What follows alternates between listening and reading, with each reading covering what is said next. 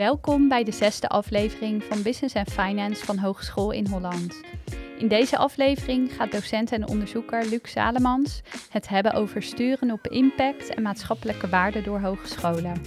Bij hem aan tafel zitten Frank Zwetsloot, directeur van Science Works, een organisatie die de impact van wetenschappelijk onderzoek wil vergroten, en Pieter Heringa van de beleidsafdeling Onderwijs en Onderzoek van onze hogeschool. Welkom bij deze podcast van Business, Finance Law. Het is een nieuwe serie die we maken met het onderwerp waarmee het werkveld te maken heeft en studenten in worden opgeleid. In deze aflevering luister je mee over het thema sturen op impact en maatschappelijke waarden door hogescholen. Ik ben Luc Salemans, docent en onderzoeker bij Hogeschool in Holland en ik houd me onder andere bezig met deze vraag. Bij mijn tafel zitten twee werkveldpartners die ik graag voorstel. Frank Zwetsloot, directeur en oprichter van ScienceWorks, een intermediair tussen wetenschap en maatschappij.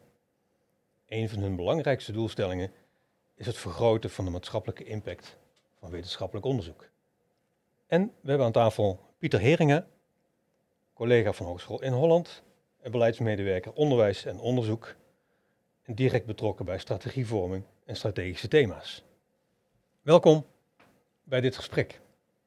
Meer dan 25 jaar na Mark Moore het begrip publieke waarde heeft geïntroduceerd, wordt het concept nu veel gebruikt in publieke organisaties en breidt het concept zich steeds verder uit naar private organisaties. Ook hogescholen en universiteiten nemen dit op in hun strategische plannen.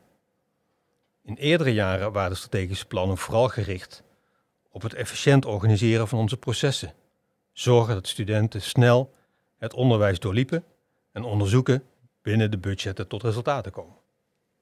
Nu wordt bijvoorbeeld gesproken over een bijdrage leveren aan de ontwikkeling van de regio en studenten opleiden tot toekomstbestendige professionals. Frank, als ik jou dan mag vragen, wat betekent eigenlijk maatschappelijke waarde? Ja, maatschappelijke waarde is uh, datgene wat je in de maatschappij eh, zou willen bereiken. Dus welke uh, specifieke doelen je zou willen nastreven, dus welke bijdrage je als hogeschool aan die maatschappij uh, zou willen leveren. En uh, dus ja, kijk, een waarde kan natuurlijk ook een, een, een ethisch begrip hebben. Hè? Dus als het ware een doelstelling van meer rechtvaardigheid of meer gelijkheid. Maar een waarde kan ook gewoon zijn, bijvoorbeeld, dat je betere en meer banen wil creëren in de regio. Dus je kan het eigenlijk heel concreet zien. Maar je kan het ook meer eh, op, het gebied zien van eh, normen en waarden. Ja, mooi dat je al meteen die twee voorbeelden aangeeft. Hè? Twee verschillende kijkrichtingen op dat begrip waarde. Pieter, um, zijn dat ook twee kijkrichtingen die jij tegen bent gekomen bij um, de voorbereiding rondom onze nieuwe strategie? Nou ja, ik denk dat uh, de, de charme in brede zin van het denken van Mark Moore inderdaad ook wel van die twee richtingen is dat je het in heel veel dingen makkelijk terug kunt uh, zien. Dus wij verwijzen in onze nieuwe strategie niet, niet letterlijk naar het gedachtegoed van, uh, van Moore. Maar je ziet dat er heel direct in terug. En uh, eerlijk gezegd, als je bij onze collega-hogescholen in die plannen kijkt, dan zie je overal een beetje diezelfde tendensen. Dus het gaat inderdaad veel minder over KPI's en levels of control en veel meer over wat we nou eigenlijk betekenen voor de maatschappij en wat is de bedoeling ja. van ons werk. Ja. Zou je daar ook twee voorbeelden uit kunnen halen. Uh, als het gaat over wat, welke manier in Holland dan een bijdrage zou kunnen en willen leveren aan de ontwikkeling van die regio.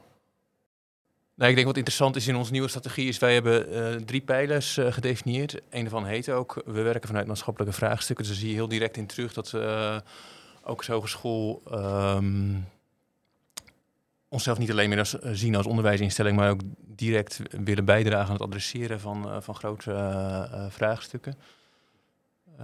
mooi daarvan vind ik ook dat we um, daarmee ook direct, ook intern op hele fundamentele discussies komen over wat, wat, wat zijn we dan als instelling, maar wat is onze rol dan in de maatschappij? En is dat inderdaad alleen het verwerven van menselijk kapitaal of het opleiden van, van mensen, zodat ze later die bijdrage kunnen leveren? Yeah. Of hebben we ook nu al een eigenstandige uh, rol daarin. Dus dat, dat, levert ook heel interessante gesprekken op, die, die eigenlijk interessanter zijn dan het product van zo'n zo'n strategie over hoe kunnen we dat dan doen uh, met elkaar. dan heb je het dus inderdaad ook veel meer over wat is dan het verschil tussen een school en een kennisinstelling bijvoorbeeld. En wat is daar dan de eigen rol, uh, eigenstandige rol van, ook ten opzichte van bijvoorbeeld de academie, maar ook andere kennisproducenten. dus dat is één lijn. En ik denk een andere mooie lijn die er duidelijk in zit, is dat wij hebben ook twee nieuwe profilerende thema's gedefinieerd. Duurzame leefomgeving en veerkrachtige samenleving. En door ons onderwijs en onderzoek wat meer te stroomlijnen langs die twee grote lijnen maken we ook veel zichtbaarder uh, wat we betekenen voor de maatschappij. En creëren we veel meer focus en massa in het werk dat we al deden. Dat helpt ook om het veel beter voor het voetlicht uh, te brengen. Ik denk dat dat een ander mooi voorbeeld is hoe we ehm, veel meer sturen op wat nou de bedoeling is van ons werk. Ja, mooi dat die, die focus aan te geven.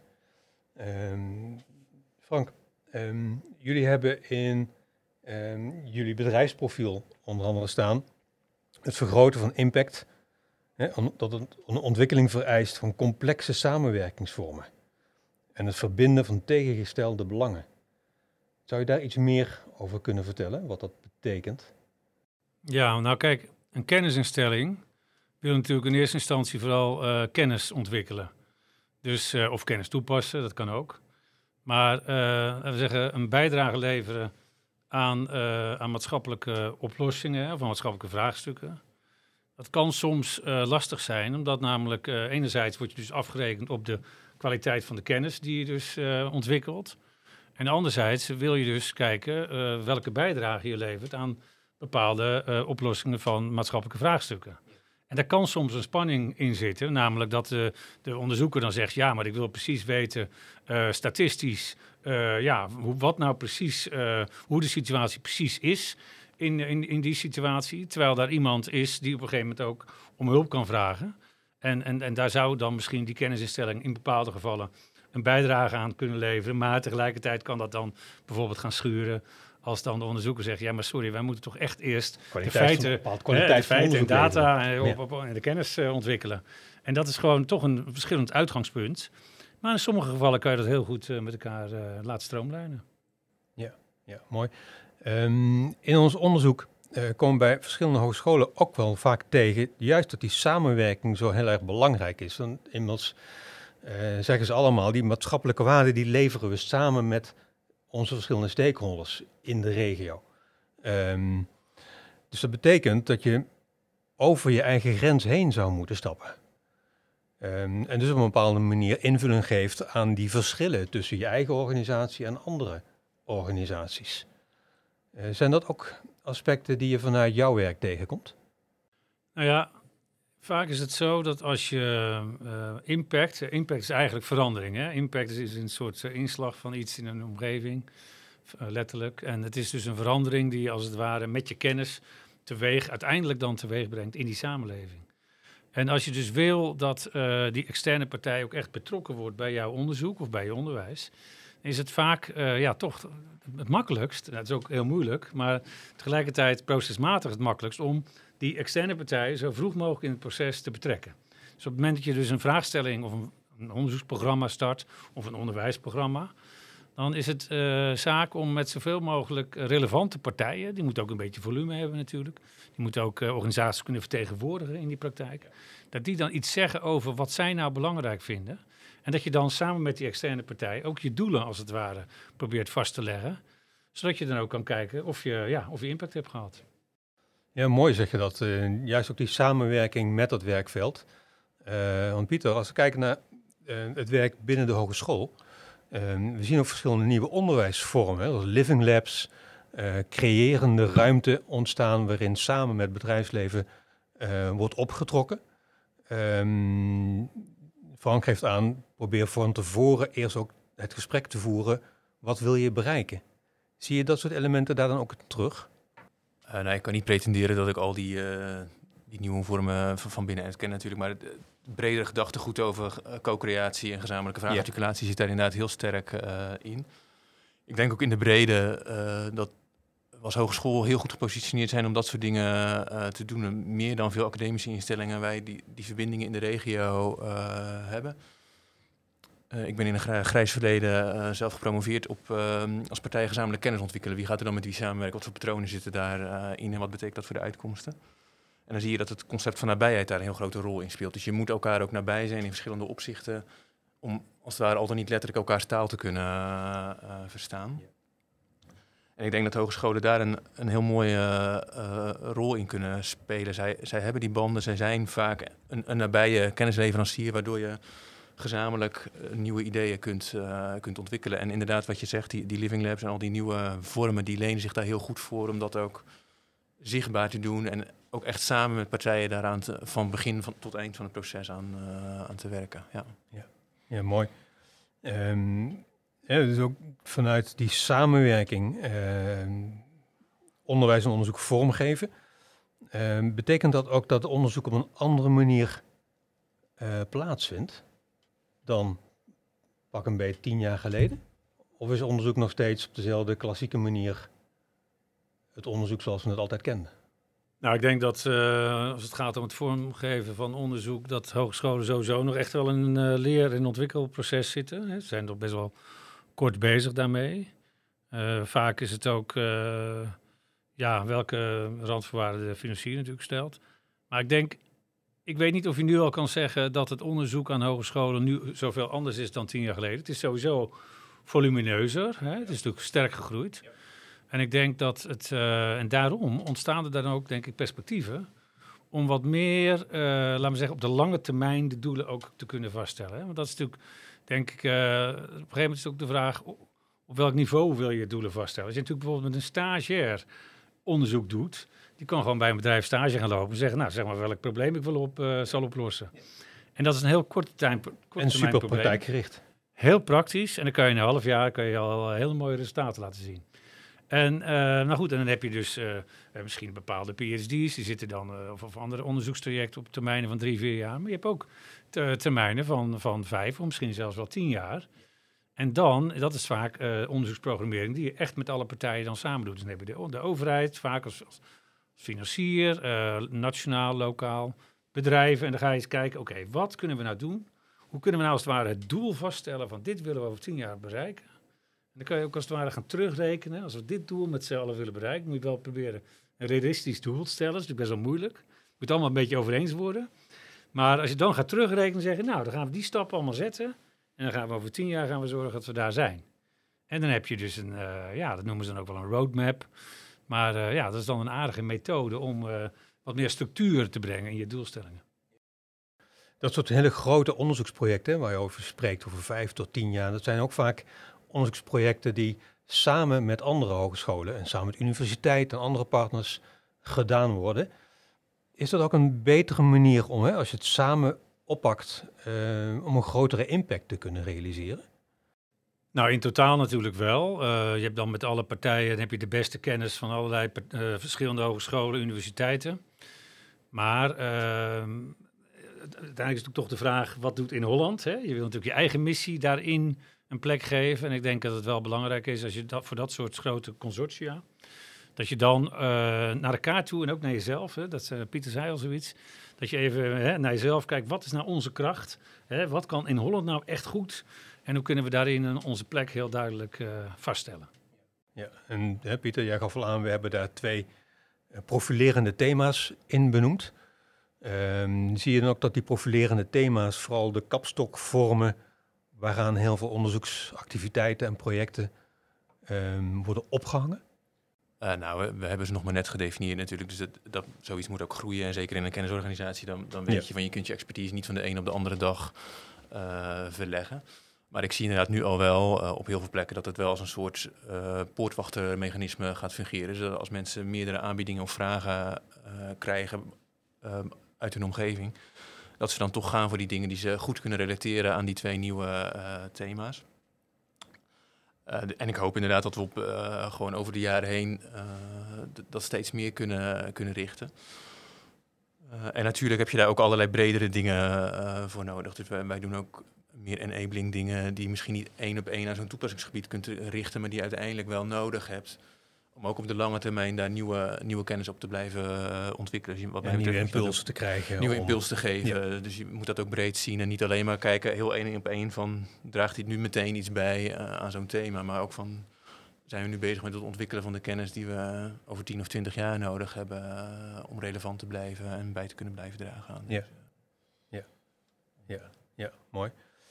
Ehm, Frank, dan toch nog even terug naar dat woordje impact. Ehm, je gaf het al aan in het begin, hè, eh, betekenis te hebben eh, voor. Hoe kunnen we nu vaststellen welke impact er behaald is? Ja, nou ja, in feite is het natuurlijk het makkelijkst, maar om aan de gebruiker van het onderzoek te vragen, eh, ja, wat die, wat die gebruiker daarvan vindt. Hè, kijk, als die gebruiker zegt van ja, moest luisteren, ik heb er heel veel aan gehad, ik ga ermee aan de slag. Nou, dan ben je, zou ik zeggen, op weg naar het hebben van impact. In sommige gevallen, zeker ook misschien bij wat eh, meer korte termijn eh, vraagstukken, kan het ook best zijn dat die impact al heel in hele korte termijn gerealiseerd is. Misschien zelfs hè, tijdens een stage, misschien zelfs al. Dus het is denk ik vooral een kwestie van eh, de gebruiker vragen naar de waardering van het onderzoek en, en de manier waarop die kennis wordt toegepast. En dat gebeurt, je ziet vaak dat dat toch niet gebeurt. En, en terwijl het, ja, het is gewoon een kwestie van daar goede afspraken over maken, denk ik. Dat is wel een boeiende eh, die je aangeeft. Want juist, hè, als ik kijk naar eh, een aantal case studies die we vanuit eh, het lectoraat gedaan hebben, zien we juist dat die gebruiker, die, die, die stakeholder zoals we dat zo mooi noemen, ehm, vaak aan het voortraject betrokken wordt bij vormgeven van strategieën, bepalen van doelen, richtingen. Maar in de loop van het traject eigenlijk weer hè, vergeten wordt als het ware. Hij zit natuurlijk in het traject, participeert in het traject, maar heeft geen formele rol meer in de manier waarop dat uiteindelijk dat doel dan geëvalueerd wordt. Ehm, Pieter, zijn dat aspecten waarin ehm, we in de komende periode ook nog stappen zouden kunnen zetten? Ja, zeker. En ik denk ook dat niet alleen bij onze eigen instelling, maar dat in, in de breedte van het landschap het denken daarop ook echt wel aan het Ja. veranderen is. En ook wel in, meer in het, inderdaad in het gedachtegoed van, van Moore zich aan het, aan het ontwikkelen is. Dus waar we twintig jaar geleden toch nog best wel naar citatieindexen keken en eh, meer dat soort eh, harde instrumenten. Ik denk dat we nu veel meer kijken naar wat, wat betekent het inderdaad voor de, voor de eindgebruiker en hoe, hoe zorgen we er ook voor dat hij daadwerkelijk dan iets anders eh, kan gaan doen. Ehm, en dat, dat we ook aan het zoeken zijn naar manieren eh, waarop we dat op een goede manier kunnen verantwoorden. Ja. Ehm, en dat, dat is nog best wel zoeken. Dat, dat zie je natuurlijk vaker bij dit soort, ja, toch bijna paradigmaverschuivingen. Dat je dan ook moet, we weten wel dat waarom het oude niet voldoet. Dat kan elke onderzoeker je zo vertellen, wat de tekortkomingen zijn van die oude indicatoren. Maar dan het komen met goede nieuwe manieren waarmee we systematisch kunnen laten zien wat we eh, bewerkstelligen. Dat is nog best wel ingewikkeld. Ja, want zou je, zou je enige voorbeelden kunnen geven van die zoekrichtingen waarin we dan aan het kijken zijn op welke manier dat we uiteindelijk ook hè, de evaluatie van zo'n impact met elkaar kunnen doen? Nou, ik weet dat een van mijn oud-collega's eh, bij het Raadnauw Instituut bijvoorbeeld heeft eh, een jaar of tien geleden het begrip eh, productieve interacties eh, geïntroduceerd. En is eigenlijk een manier om naar impact te kijken, niet zozeer in dus inderdaad van heb je nou gepubliceerd en ben je geciteerd, maar veel meer van welke lijntjes heb je nu als het ware eh, ehm, voortgebracht met je eh, onderzoek. Vanuit de gedachte van je hebt in elk geval van die lijnen met stakeholders nodig, van die interacties met, met partijen om je heen, voordat je überhaupt kunt spreken over een, een begin van impact. Want als, dat, als die interactie niet is, dan, gaat ja. die eh, impact sowieso niet komen. En dat, dat heeft niet zoveel zin om dat te gaan tellen. Dus dan is er vervolgens natuurlijk de vraag van hoe ga je dat, eh, hoe ga je dat monitoren, zeg maar. Ik denk dat we daar echt nog op zoek zijn naar hoe kunnen we dat met een mix van kwalitatieve en kwantitatieve eh, methoden goed inzichtelijk maken. eh, Wat we vaak in, van die in jaarverslagen bijvoorbeeld zien, hè, waar in onze hogescholen, maar ook andere organisaties verslag doen van wat ze bereikt hebben, gebruiken ze vaak een narratief, een, een verhalende vorm, hè, waarin er verteld wordt over welke activiteiten allemaal ontplooid zijn. Zou dat een richting zijn, eh, Frank, die je op meerdere plekken terugziet? Nou ja, kijk, een narratief is er ook op eh, verschillende niveaus. Hè? Dus je hebt eh, vaak de algemene strategie van een kennisinstelling. Maar niet alle hogescholen hebben daarnaast ook wat, wat je zou kunnen noemen een maatschappelijk profiel. Dus als je daar bijvoorbeeld mee begint, van nou kijk, wat is nou precies onze eh, maatschappelijke rationale? Hoe willen wij eh, onze, welke maatschappelijke doelstellingen willen wij eh, bereiken? Nou, dat kan je op centraal niveau kan je dat dus vaststellen. En dan kan je dus een narratief creëren van nou, dit is wat we ongeveer willen bereiken. Maar vervolgens, ik denk, denk dat dat dan vaak de uitdaging is, zou je dan vaak ook op dat onderzoeksgroepniveau ook die, die doelen moeten, ja, je kan zeggen, je gaat ze vertalen. Maar je kan ook zeggen, ehm laat ik het zo zeggen, het zou kun je fijn zijn. verhalen in plaats van vertalen. Ja, maar weet je, het zou natuurlijk voor de hele, wat je zegt, hoe kun je nou evalueren dat je echt een verschil maakt als instelling? Dan is het natuurlijk toch prettig dat er een soort samenhang is tussen die doelstellingen die je op onderzoeksgroepniveau eh, nastreeft en de centrale doelstellingen die je als, heel, als algehele hogeschool wil realiseren. En dat is dan, ja, ja, dat kan wel, maar dan moet je er ook zorgen dat, eh, dat je dat op verschillende niveaus in, in, in overleg probeert die doelen met elkaar in verband te brengen. Ja, zodat je weer zorgt voor hè, alignment op de verschillende niveaus eh, in de aansturing en in de verantwoording eh, vanuit Ja. de organisatie. Ja, ja. Mooi, dat is een mooi bruggetje ook weer naar eh, vakken als management control en control en finance in een van de opleidingen binnen business en finance. waarin we inderdaad deze praktijken weer meenemen in de onderwijsontwikkeling en waar we studenten meenemen in welke ontwikkelingen zie je nu in het eh, eh, beroepenveld ontstaan. Ehm, Het zijn mooie voorbeelden.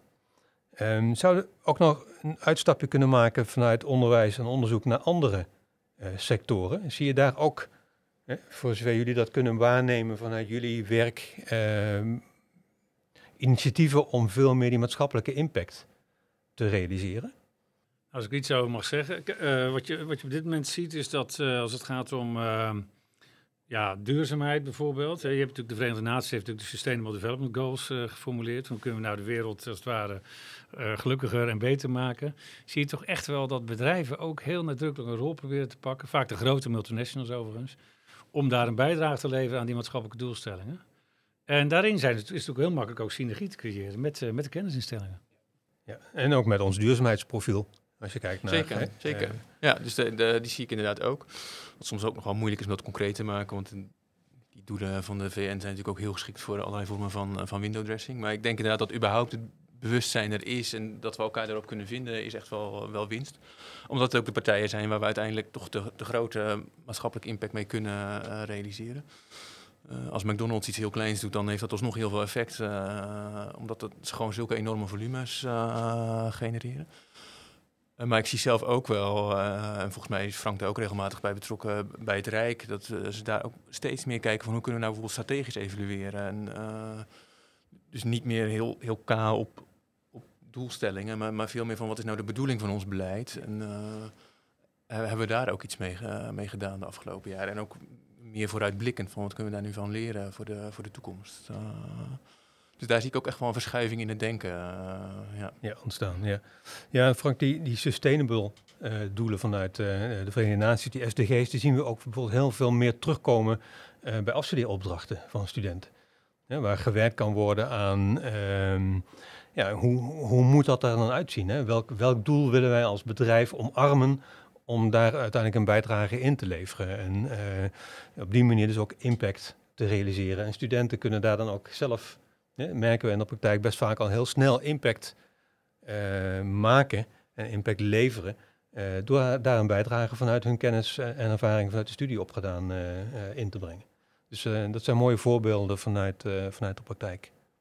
En dus we zien zowel parallellen in andere sectoren, maar we zien met name ook een verandering in zeg maar, de, de manier waarop dat onderzoek samen met de omgeving ehm, een samenwerking zoekt.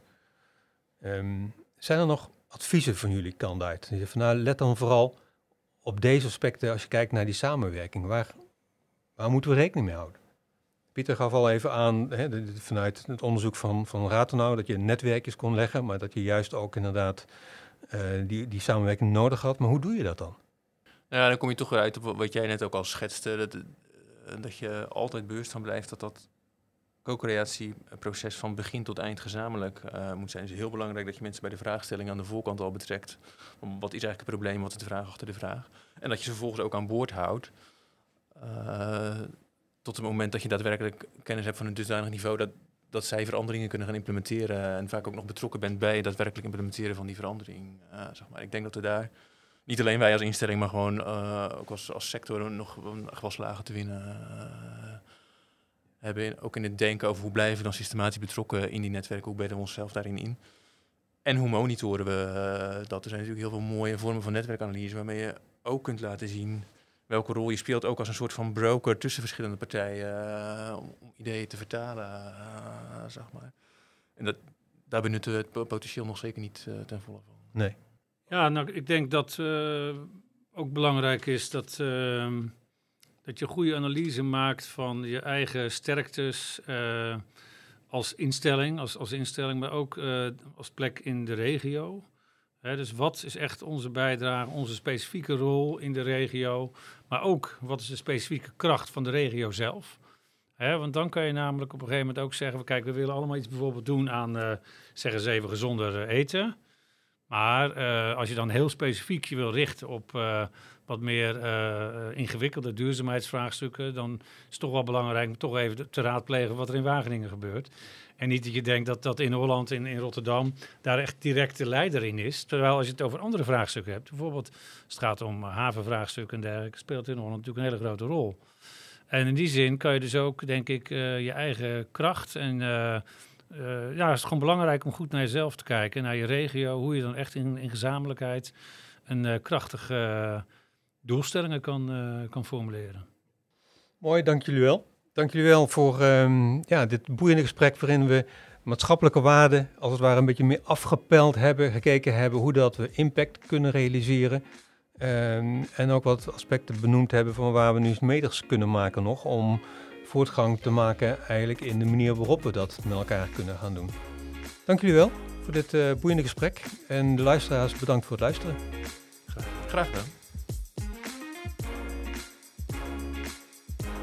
Dank voor het luisteren naar de podcast waarin Luc, Pieter en Frank spraken over hoe publieke organisaties als een hogeschool vormgeven aan realiseren van meer maatschappelijke impact vanuit onderwijs en onderzoek.